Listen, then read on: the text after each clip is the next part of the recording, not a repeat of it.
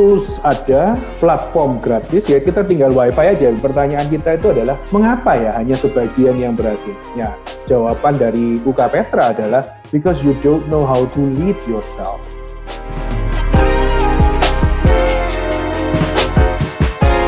Halo Petra Nesian, jumpa lagi di Petra Business Insight episode terbaru. Kali ini masih bersama dengan Pak Riki Wang, kita masih punya banyak sekali topik yang akan kita bahas. Tentunya topik-topik ini pastinya seru dan bermanfaat buat Petranesian untuk memahami lebih lanjut mengenai COVID digital. Kita sempat sebut uh, di episode sebelumnya kata-kata ini, uh, kata ini maksud saya COVID digital. Kita akan mengulik, mengupas lebih dalam lagi apa sih COVID digital dan bagaimana Petranesian bisa menjadi digital leader di era COVID digital. Selamat siang Pak Riki Wang, apa kabar? Halo, siang Jack. Baik, baik. Puji Tuhan, baik. Luar biasa, masih tetap semangat terus Pak Riki Wang di era pandemi new normal. Iya, iya, iya. Kemarin saya sempat lihat Pak Riki Wang jadi salah satu dari uh, penyanyi ya di Petra Kurindu. Iya, Video iya. yang luar biasa, sangat menggugah. Pastinya kangen ya sama kampus ya Pak Riki. Iya, iya, iya. Baik. Uh, jadi anu ya, jadi bernostalgia, terus kemudian senangnya itu bisa saling saling apa ya, saling mengingatkan gitu ya, betapa yeah. berharganya sesuatu yang kita rindukan gitu. Betul, betul sekali. Ya, di era pandemi ini juga tentunya walaupun dari rumah, tapi bukan berarti lebih lebih santai ya, tetapi malah uh, malah lebih lebih repot sepertinya Pak Riki Wang ya, yeah. Zoom meeting terus. Yeah baik kuliah yeah. maupun hal-hal yang lain ya Pak ya.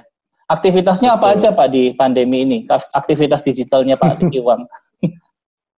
Semuanya from home. Oke. Okay. Jadi rapat from home, teaching from home, making a research proposal juga from home, thesis mentoring from home gitu ya. Hmm. Uh, ada sih yang yang harus keluar yaitu waktu beli grocery pak ya. Oke oke oke. Harus keluar gitu. Dan satu lagi ya, recording podcast from home. Iya. Jadi kalau tidak ada era pandemi bisa-bisa Petra Business Insight ini belum tentu ada ya. Ah, itu nanti kita akan berdalam itu ya. Nah, mantap. Baik, masuk ke topik Petra Nesian. Uh, sekarang kita sering mendengar kata-kata digital leaders yang uh, dikomunikasikan oleh UK Petra dari tim humas kita bahwa UK Petra ini adalah tempat di mana untuk menciptakan digital leaders. Nah, di era sekarang seperti COVID digital yang Pak Riki sempat utarakan, apa sih sebenarnya peranan digital leaders dari Petranesian dalam era COVID digital, Pak? Iya, jadi pertanyaan yang mantap ya. Digital leaders itu uh, sebagai leader dia pasti memberikan digital direction. Kemudian dia create digital network. Yes. Sama dia harus juga membuat uh, atau mempercepat mestinya yaitu uh, digital transformation. Cek. Jadi uh, leaders itu memang sangat diperlukan ketika terjadi kesimpang siuran ya Nah, pada saat kita membuat ini, mungkin konteksnya justru negara yang sokol paling kuat ekonominya sedang terjadi kesimpang siuran gitu. Nah, di dalam kondisi seperti ini, maka seorang leader itu diperlukan atau kepemimpinan diperlukan. Nah, Jack dan juga para Petranesians pasti mengetahui ya bahwa dunia digital itu dunia yang sibuk. Ya. Dunia yang simpang siur, dunia yang uh, apa ya menawarkan banyak hal tetapi e, kalau kita tidak hati-hati itu kita bisa tersesat gitu ya di dalam dunia tersebut. Yeah. Maka perlu direction, perlu arah, perlu ada seseorang atau sekelompok orang yang e, meyakini panggilannya, mengetahui visinya, bagaimana supaya e, menghadapi dunia yang sibuk itu ada arah yang jelas gitu ya. Itu yang saya sebut dengan digital direction yeah. atau beri arah secara secara digital gitu. Nah, yang peran yang kedua yaitu membuat uh, network. Nah, mungkin networknya ini uh, selain yang sifatnya fisikal, nah, dalam kondisi kita saat ini malah yang lebih penting adalah yang uh, digital gitu ya, digital yeah. networks. Uh, membuat satu jejaring kerja bersama-sama, kemudian uh, mengeksplor kolaborasi meskipun tadinya orang ini tidak kita kenal secara pribadi gitu, tetapi karena relasi yang sebelumnya maka kita bisa membuat so-called digital networking gitu ya. Iya. Itu peran yang kedua. Nah, yang ketiga yang tadi uh, saya sebutkan yaitu digital transformation. Artinya uh, mau tidak mau seperti yang tadi Cek juga sempat katakan ya, karena adanya situasi ini maka kita harus juga mentransformasi institusi yang yang menjadi ide tempat kita bekerja, bisa juga bisnis kita sendiri gitu. Ya. Jadi itu tiga perannya uh, seorang digital leader ya. Jadi dia uh, memberi arah, direction, kemudian dia membuat jejaring, lalu yang ketiga dia mentransformasi organisasinya. Luar biasa.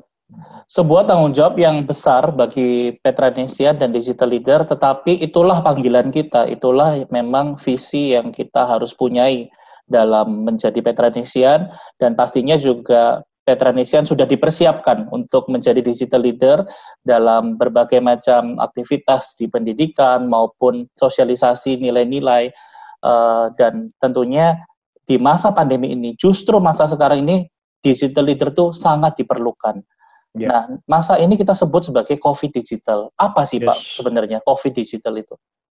Iya. Yeah. COVID digital itu dari dua kata ya. COVID-19 dan digitalization atau digital era begitu. Kadang saya juga sebut dengan COVID disruption. Jadi COVID-19 dan disruption gitu. Sebelum kita uh, sibuk dengan era ini atau memasuki era yang kita suka nggak suka harus masuk bersama ini, yeah sebetulnya kita itu sangat uh, terpapar dengan yang namanya digitalization atau disruption gitu ya. Di mana pada saat itu banyak sekali uh, bermunculan institusi baru, bisnis baru yang menggunakan disruptive technologies untuk masuk ke dalam tatanan masyarakat gitu ya. Jadi bisa timbul uh, layanan-layanan baru yang sebelumnya kita tidak pernah duga gitu Ya. Dan di situ kita melihat kalau bisnis itu peka, maka dia akan yang mendahului masuk ke dalam uh, digitalization. Tapi kalau dia tidak, maka dia akan perlahan-lahan digerogoti ya bahasa bahasa sederhananya oleh mereka-mereka yang memanfaatkan teknologi-teknologi disruptif itu gitu. Nah, semua teknologi disruptif itu uh, bisa disimbolkan dengan sebuah handphone. Jadi satu smartphone itu bisa menjadi semacam simbol ya. atau alat yang sebenarnya bagaimana disruption itu muncul uh, di tengah-tengah kita gitu. Nah, mengapa sangat disruptif? Sekali lagi karena disruptifnya itu sebab sifat dari smartphone itu gitu ya. ya. Jadi uh, beda dengan disrupsi di era-era yang sebelumnya, di mana alat disruptifnya itu hanya milik segelintir orang gitu. Ini mungkin kalau kita agak mundur jauh ada Industrial Revolution 1, 2, 3 gitu ya. Semua alat-alat itu butuh waktu yang cukup lama untuk menjadi massal. Ya. Dan biaya cukup besar juga ya. Exactly. Lalu selain itu juga rumit. Ya, betul. Jadi sebelum komputer atau smartphone itu jadi seperti sekarang, it used to be just for the you know IT people gitu ya dan yes. orang awam tidak bisa mempergunakan. Nah sekarang ini satu orang bisa punya lebih dari tiga smartphone. Gitu. Setuju. Dan itulah realita kita sehingga yeah. yang tadi yang tadi kita bahas di depan. Jadi sibuk sekali dunia ini. Ada beberapa uh, videographers yang saya kenal bahkan mengatakan kejam juga bapak gitu ya. Jadi artinya kalau membuat sesuatu itu tidak bisa super menarik maka yeah. ya sudahlah. Betul. Uh, akan ditinggalkan gitu ya. Jadi itu itu era. Nah COVID digital itu berarti tiba-tiba Jack seluruh disruptors ini didisrupsi oleh COVID-19. Nah, era ini sangat menantang karena sebelum COVID-19 datang, semua orang dipaksa untuk berubah. Ya. Setelah COVID-19 datang, dipaksa semakin cepat berubah. Cuman tantangannya begini, ketika berubah itu uh, selalu diiringi dengan yang saya sebut dengan technological unemployment ya. Jadi tiba-tiba uh, bisnis yang biasanya offline begitu lalu harus ditutup gitu ya.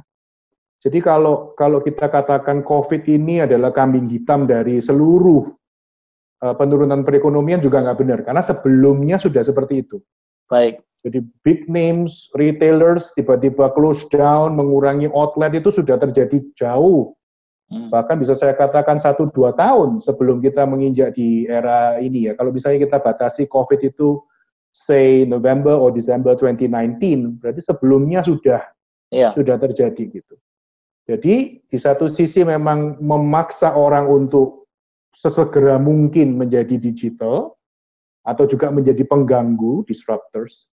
Tetapi kalau kita tidak hati-hati di era ini, kalau eh, banyak orang yang terlambat beradaptasi, dampak sosialnya sangat amat besar.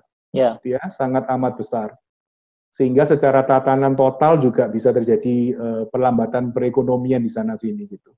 And this is our era right now. Yes. Jadi nanti kita akan lihat bahwa key-nya adalah bagaimana para uh, digital leaders itu membantu akselerasinya ini. Membantu yeah. akselerasinya sekaligus juga mengurangi dampak negatifnya. Silakan, sorry. Baik, berarti peranan digital leader lagi-lagi memang sangat penting ya. Bahkan oh, bukan important. hanya leader saja, tapi leaders kita butuh banyak leader ya. Digital yes. leaders yes. ini uh, segera harus uh, action supaya bisa untuk menjadi ya istilahnya tadi transformer ya uh, orang yeah. yang memberikan guidance di era COVID digital ini.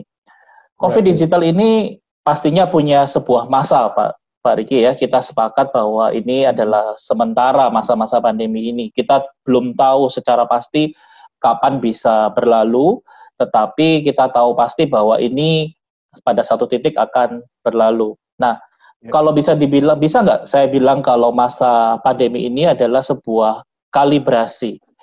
Kita sedang ber, dikalibrasi seperti Pak Riki jelaskan tadi, sebelum COVID itu kita sebenarnya sudah uh, harusnya sudah bisa memanfaatkan teknologi digital. Dengan adanya COVID ini kita dipaksa harus ya kan memanfaatkan era digital dan ke depannya setelah pandemi ini kita akan menjadi digital leader yang tanda kutip lebih baik daripada yes, sebelum masa pandemi. Hmm. Nah, bagaimana Pak Riki melihat hal ini? Apakah COVID digital ini masih relevan nantinya diterapkan di masa setelah pandemi, Pak? Iya, iya. Good question ya. Uh, jawaban praktis yang populer sekarang selalu adalah setelah vaksin ditemukan. Ya. Yeah. Tetapi kalau toh vaksin ditemukan tanpa bermaksud being pessimistic ya, uh, kita tidak tahu ada virus-virus lain apa di kemudian hari gitu. Dan kalau kita belajar dari sejarah, sebetulnya virus ini sempat dahsyat menyerang perekonomian yang lumayan secara global ya. Itu ketika SARS. Oke. Okay. Nah, sebetulnya ketika SARS itu beberapa negara tapi mungkin uh, terisolasi di Asia ya, itu sempat mengalami cuman memang harus diakui korbannya tidak sebanyak yang sekarang yeah. ya COVID-19. Uh, sesudah SARS itu ada Zika virus. Itu juga uh, virus lagi gitu ya. Nah, cuman itu bisa diisolasi di daerah Brasil sana diisolasi eh, karena habitat dari tempatnya virus itu berkanjang ya, itu yeah. tiba-tiba dibabat karena untuk hal yang lain, tapi lokasinya tidak terlalu dekat dengan perkotaan gitu, yeah. jadi ter terisolasi. Nah kalau kita belajar dari situ, kelihatannya kita harus membiasakan untuk waspada terus-menerus dengan virus. Dan ini bukan sesuatu yang baru, ini bisa kita belajari sangat-sangat baik dari satu negara namanya Taiwan ya. Yeah. Jadi ketika eh, coronavirus pertama kali meledak di Wuhan, itu sudah tidak sedikit orang yang meramalkan Taiwan bakal habis. Tetapi Taiwan itu bisa bertahan bukan hanya karena mereka eh, apa namanya secara ketat melakukannya ya, tapi karena mereka belajar keras dari SARS tahun 2002-2003. Sehingga beberapa sumber yang bisa saya percaya mengatakan memakai masker di tengah masyarakat Taiwan, tidak sakit memakai masker itu sesuatu yang umum. Hmm. Jadi kelihatannya mereka udah membiasakan gitu ya bahwa we have to be apa ya istilahnya itu uh, tactful dan juga aware gitu ya bahwa sewaktu-waktu akan terjadi seperti ini gitu.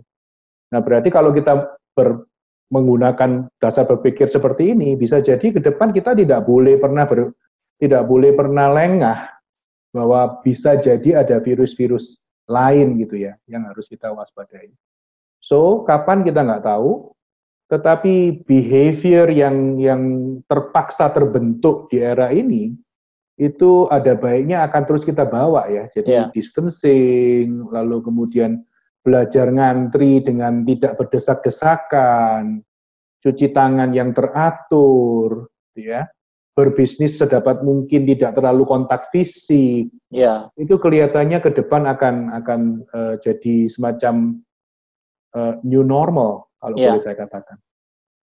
Ya, sangat menarik. Apalagi yang kita lakukan ini saat ini itu adalah salah satu contoh di mana kita bisa rekaman podcast, podcast ya, itu uh, tidak bertemu langsung tapi bisa pakai aplikasi ya, dan juga meeting-meeting kita lainnya. Saya masih ingat uh, dulu salah satu yang bikin stres dalam bekerja itu adalah ketika traffic kena traffic gitu aja. Yeah, yeah. Nah itu juga jadi sekarang sudah berkurang, walaupun time manajemennya harus kita sesuaikan lagi ya. Baik Pak. Dan saat ini ketika kita sedang ber, berbincang-bincang, pasti kita punya sebuah kondisi mental yang berbeda dengan lima atau enam bulan yang lalu. Ketika pandemi ini awal-awal mulai muncul di mana pastinya kita shock ya kita shock kita menjadi pesimis kita menjadi khawatir takut dan lain sebagainya.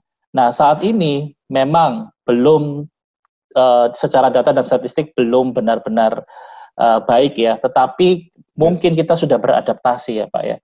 Dan ini yes. betul. Dan ini juga saya lihat di era di dunia digital banyak content creator, pemilik bisnis atau orang-orang yang bergerak di dunia digital sudah mulai muncul gerakan-gerakan yang positif Pak dalam dunia digital. Okay. Banyak yang uh, sharing, bikin uh, IG live, bikin seminar, banyak orang yeah. yang berkolaborasi untuk membuat social impact ya right. bahkan kalau follow Instagramnya Uka Petra Uka underscore Petra uh, Petra Nation bisa lihat ada satu postingan di mana uh, Uka Petra memposting rangkuman dari apa yang sudah dilakukan oleh Uka Petra social impactnya apa aja right, right. menarik menarik ya ada membantu kos kosan ada right for student ya, ada don program right. donasi yang membuat uh, uh, rektorat ini harus mencukur. nah, itu luar biasa itu Pak.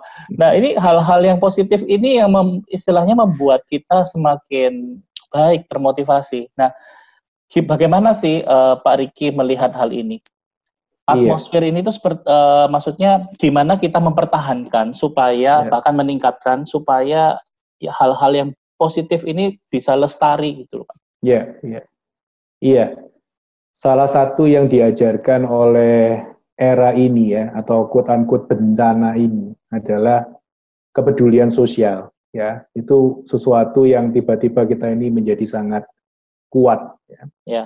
Mau nggak mau kita harus menyadari bahwa selain mereka-mereka yang terpapar yang perlu dibantu juga karena kita harus uh, eh, PSBB, social distancing, lockdown dengan segala macam terminologinya, maka ekonomi pasti akan terganggu. Jadi orang harus berpikir bagaimana bisa bantu orang lain. Gitu. Dan itu uh, sesuatu yang mungkin sebelumnya tidak terlalu dipikirkan ya. Sudah ada gerakan-gerakan bagaimana berbisnis tapi berbuat baik gitu ya. Jadi yeah. bukan berbisnis yang malah merusak lingkungan atau uh, mengacaukan tatanan masyarakat. Tapi dengan era ini kita dipaksa untuk selalu mengingat gitu ya, selalu ya. mengingat yeah. misalnya tenaga medis saudara-saudara kita yang berjibaku ya di, di ada yang bilang garis depan, ada yang bilang garis belakang gitu. Uh, lalu kemudian juga mereka-mereka yang harus keluar rumah kalau enggak mereka enggak makan gitu.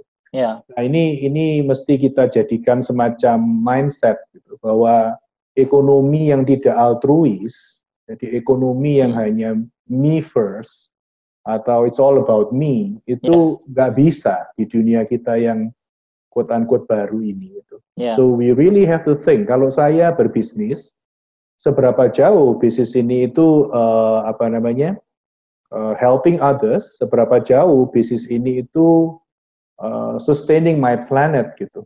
Yes. Jadi dulu mungkin people profit planet itu kayak slogan yang diperjuangkan secara susah sekali ya atau yang Karena, yang di yang di action itu yang profitnya aja people kelihatannya begitu iya tapi ya tapi juga kita nggak nggak bisa lepas juga dalam uh, dari dari fakta ya. Ya. Bahwa ada juga mereka-mereka yang sorry to say sangat kita sesalkan justru uh, berbuat jahat ya di era yang seperti ini gitu. Dan itu semua diatasnamakan karena kebutuhan, kepentingan begitu. Dan ini juga harus kita perangin gitu ya bahwa bisa kok kita uh, being ethical di dalam situasi yang memang unfortunate ini gitu. Yeah. Jadi bagaimana mengelolanya, bagaimana mempertahankannya, buat meaningful networks ya. Itu yang tadi Jack katakan tuh memang Pak Rektor, Pak Juan, uh, our Rektor, Profesor Juan Toro mengatakan sekarang ini kita dapat kepercayaan cukup banyak, Jack, untuk menyalurkan yeah. uh, dana bantuan begitu ya ke berbagai rumah sakit, ke Pemkot juga gitu. Yeah. Dan itu kita harapkan tidak uh, berhenti gitu ya. Ada banyak yang masih bisa kita kerjakan sekalipun nanti misalnya pandemi ini sudah lebih ringan gitu ya atau yeah. sudah sudah perlahan-lahan bisa kita atasi. Jadi jejaring itu yang yang kita kita kuatkan Malah sebetulnya sebelum kita masuk era ini, UKP sudah sepakat bahwa kita itu gerakannya cenderung helping the helpers gitu. Ya. Jadi ada lembaga-lembaga yang sudah cukup mumpuni ya di bidang itu yang yang uh, akhirnya jadi kami bantu gitu. Jadi yeah. uh, short answer is making meaningful networks. Uh, lalu juga ya itu terus mengingatkan bahwa isu sustainability di dalam berbisnis itu sudah bukan lagi sekedar slogan atau apa ya eh, kalimat baik begitu ya, tapi memang ya. harus dijalankan. Ya, luar biasa.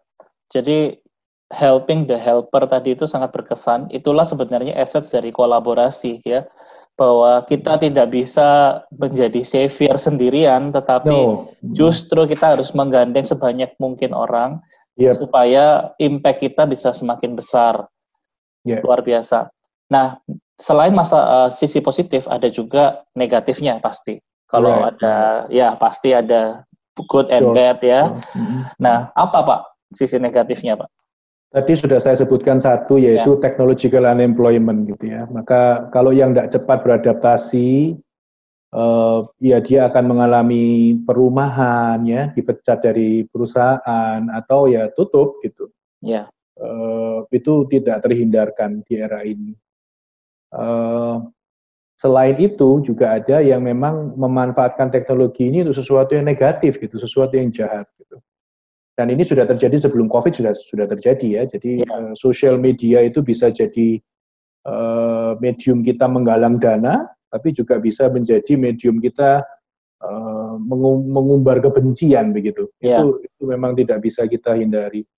Lalu yang sangat miris ya sekarang sudah beredar uh, karena kita semua pakai masker, uh, tidak tidak sedikit yang berhubung saya tidak bisa dikenali maka saya berani curi barang gitu. Itu sudah yeah. sudah mulai ya. Itu sangat kita sesalkan. Ya tentu saja yang terakhir ini yang ada di Amerika itu another issue ya, karena memang yeah. ada injustice yang terjadi. Jadi selalu ada sisi negatifnya. Lalu juga sempat uh, orang berpikiran bahwa ya sudah kita pokoknya jadi ini aja, jadi mediator dengan bermain internet tiap hari kerja itu hanya menonton menonton layar laptop atau layar ini. Itu menurut saya juga satu pemikiran yang perlu kita pertanyakan. Ya. Karena eh, yang dimakan tetap harus makanan gitu ya, bukan gambar digital gitu ya. ya. Yang kita mau minum itu bukan stiker kopi, tapi kopi gitu.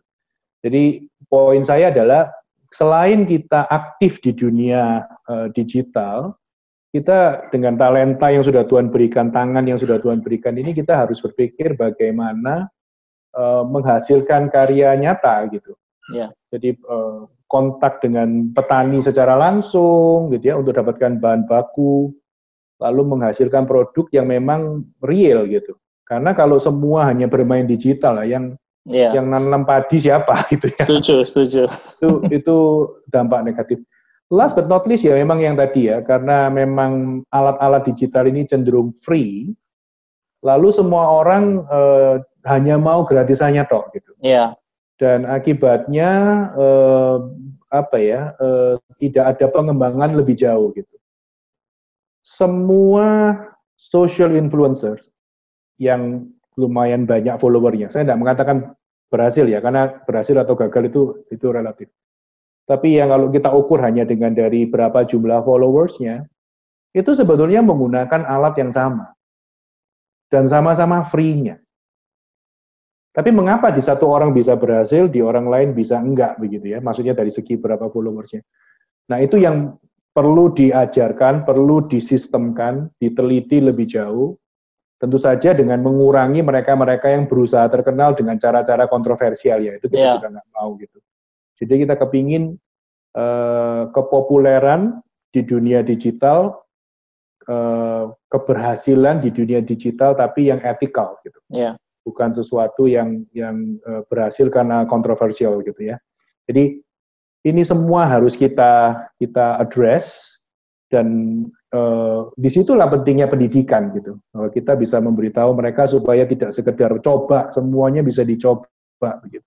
Tapi ada hal yang yang mesti kita jaga bersama, termasuk juga privacy data gitu. Iya. Karena ya kita semua pahami ya, semua kegratisan itu the freeness of today's economy itu is not really really free gitu ya. Yeah. Ada yang ada yang diambil dari kita dan untuk itu kita harus harus waspada gitu ya. Itu sih ya yang beberapa Baik. dampak. Uh, saya barusan menemukan satu sisi lagi Pak selain yang positif dan negatif. Ada sisi yang ketiga Pak, yaitu sisi netral. uh, memang saya jujur sempat terpikir, Pak. Sempat terpikir ketika masih di awal-awal beradaptasi, shock dengan apa yang ada, lebih mudah untuk berhenti. Lebih mudah untuk berhenti, tidak ngapa-ngapain. Saya juga nggak berbuat salah, saya nggak berbuat kriminal, tapi saya juga nggak berbuat macam-macam karena itu mengandung resiko dan membuat semakin repot, semakin stres ya mungkin. Jadi Bagaimana pandangan Ricky di sisi ketiga ini? Netral, ya udah nggak usah ngapa-ngapain paling enak. Sebetulnya netral itu eh, nggak eh, ada gitu ya. Kalau kalau saya itu itu sebuah ilusi gitu. Setiap hari kita tidak ngapa-ngapain, itu sebenarnya kita sudah ngapa-ngapain tapi pasif gitu. Oke. Okay. Itu mirip dengan orang yang bilang ini loh, saya jangan paksa saya mengambil keputusan hari ini gitu ya Pokoknya jangan paksa saya ngambil keputusan. Ya, dia sudah ngambil keputusan, yaitu tidak ngambil keputusan tadi kan. Ya. Iya, iya. So, sayang sekali kalau anak muda hari ini dengan tools yang begitu begitu uh, available kalau boleh saya katakan ya. Bayangkan ketika revolusi industri 1600 1700 mungkin satu negara punya mesin uap tidak lebih dari lima. Ya se sebegitu langkanya alat itu gitu ya. Bayangkan komputer tahun 40-an yang masuk segede lemari gitu. Dan yang punya mungkin satu kantor satu gitu. Tapi hari ini ya itulah fakta kita, eh, tools ada, platform gratis, ya kita tinggal wifi aja. Gitu ya. Bayangkan kalau satu hari wifi itu bisa 5G dan super murah. Iya. Wah. Yeah. Nah makanya kadang-kadang yang yang jadi jadi pertanyaan kita itu adalah Mengapa ya hanya sebagian yang berhasil? Ya, jawaban dari UK Petra adalah because you don't know how to lead yourself. Jadi kalau kamu bisa gali potensimu, sadar panggilanmu, maka yang kamu cetuskan di dunia maya, gitu ya, itu sesuatu yang bermakna. Itu sesuatu yang memberi berkat ke orang lain, membawa yes. barokah untuk orang lain. Lalu kemudian itu menjadi juga satu komunitas yang sustain gitu ya. Nah, kami di kampus sangat menekankan itu. Jadi bukan sekedar pokoknya coba dulu. Enggak gitu ya. Karena kita percaya hidup itu berharga. So memang harus coba gitu ya. Tapi bukan berarti coba-coba secara ngawur gitu ya. Iya. Mesti nah, dosennya itu membantu dia bergumul, mengajak dia memikirkan ulang panggilannya apa. Lalu ya tadi membalanskan antara karya digital dan karya fisikal gitu loh. Iya. Kalau hanya karya digital ya yang tadi saya katakan, kalau hanya karya fisikal akan dilibas sama mereka yang punya dua-duanya kan gitu. Jadi eh, perlu satu keseimbangan, tapi juga yang tadi saya katakan eh, perlu tuntunan begitu ya bahwa ayo ini dunia sibuk eh, kita harus betul-betul kreatif, lalu juga punya ketahanan mental yang cukup kuat karena ya. bikin konten bisa menuai hujatan gitu ya yeah. dari orang-orang yang memang kerjaannya menghujat begitu. Yeah. Lalu ya yang tadi meminimumkan juga ini apa namanya irresponsible actions. Karena aja kita di, di era di mana kita bisa bikin 100 account, lalu kita bisa uh, keluarkan opini-opini yang tidak membangun, lalu pakai fotonya orang lain gitu. Yeah. Nah, ini ini memang menjadi satu kebahayaan ya, karena ya itu tadi di uh, ketika uh, dunia begitu digital, ingat yang ada di dunia ini orang yang berdosa gitu. Yeah. Jadi dia akan bisa pakai alat-alat itu untuk sesuatu yang malah uh, memperparah situasi gitu. Ya, jadi tidak ada yang namanya netral uh, kalau misalnya netral tidak ngapa-ngapain itu berarti cenderung ke negatif seharusnya karena dia punya alat, dia punya kemampuan, dia bisa melakukan sesuatu tetapi memutuskan untuk tidak melakukan. Jadi yes. Petranesian, Petranesian sekarang sebagai digital leader harus kreatif dan proaktif ya. Kita jangan pasif karena ya, ya semua sudah disediakan, jangan sampai kita tertinggal seperti itu. Terakhir Pak, pertanyaan Pak Mukas, apa kualitas yang harus dimiliki oleh digital leaders untuk benar-benar bisa menerapkan tiga peran yang Pak Riki sempat yeah. sebutkan di awal tadi. Hal-hal yang terkait dengan karakter, ya, kepribadian. Karena kalau kita ngomong leader itu bukan sebuah tanggung jawab yang kecil, tapi leader itu tanggung jawab yang besar. Apa Pak yang diperlukan? Ya nomor satu dia harus orang yang bisa mengasihi orang lain ya. Itu sangat penting di era ini dan memang hidup untuk orang lain itu hidup yang bermakna gitu ya. Yes. It's not about you. It's it's about others gitu. Dan tanpa disadari sebetulnya ketika kita live for others, uh, hidup kita itu ternyata lebih kaya gitu ya. Dalam arti ilmu kita lebih banyak karena kita mau tolong orang. Lalu yang kedua tentu saja uh, kita sangat berharap muncul digital leaders yang berintegritas Ya. Kalau janji apa, kerjakan apa, ya. E, jujur, ya. genuine, ya. E, bukan menjadi seorang marketer yang berkata apa karena sekedar dibayar gitu ya, tapi karena memang betul-betul dia seorang yang ahli. Kalau dia unboxing sesuatu itu dia betul-betul ngomong apa adanya gitu. Yang ketiga, ini orang yang harus bertumbuh terus ya. Karena memang di kita ini kalau kita tidak bertumbuh, sorry itu kita sama dengan mati gitu ya. Jadi kalau ketemu lagi masih sama gitu ya.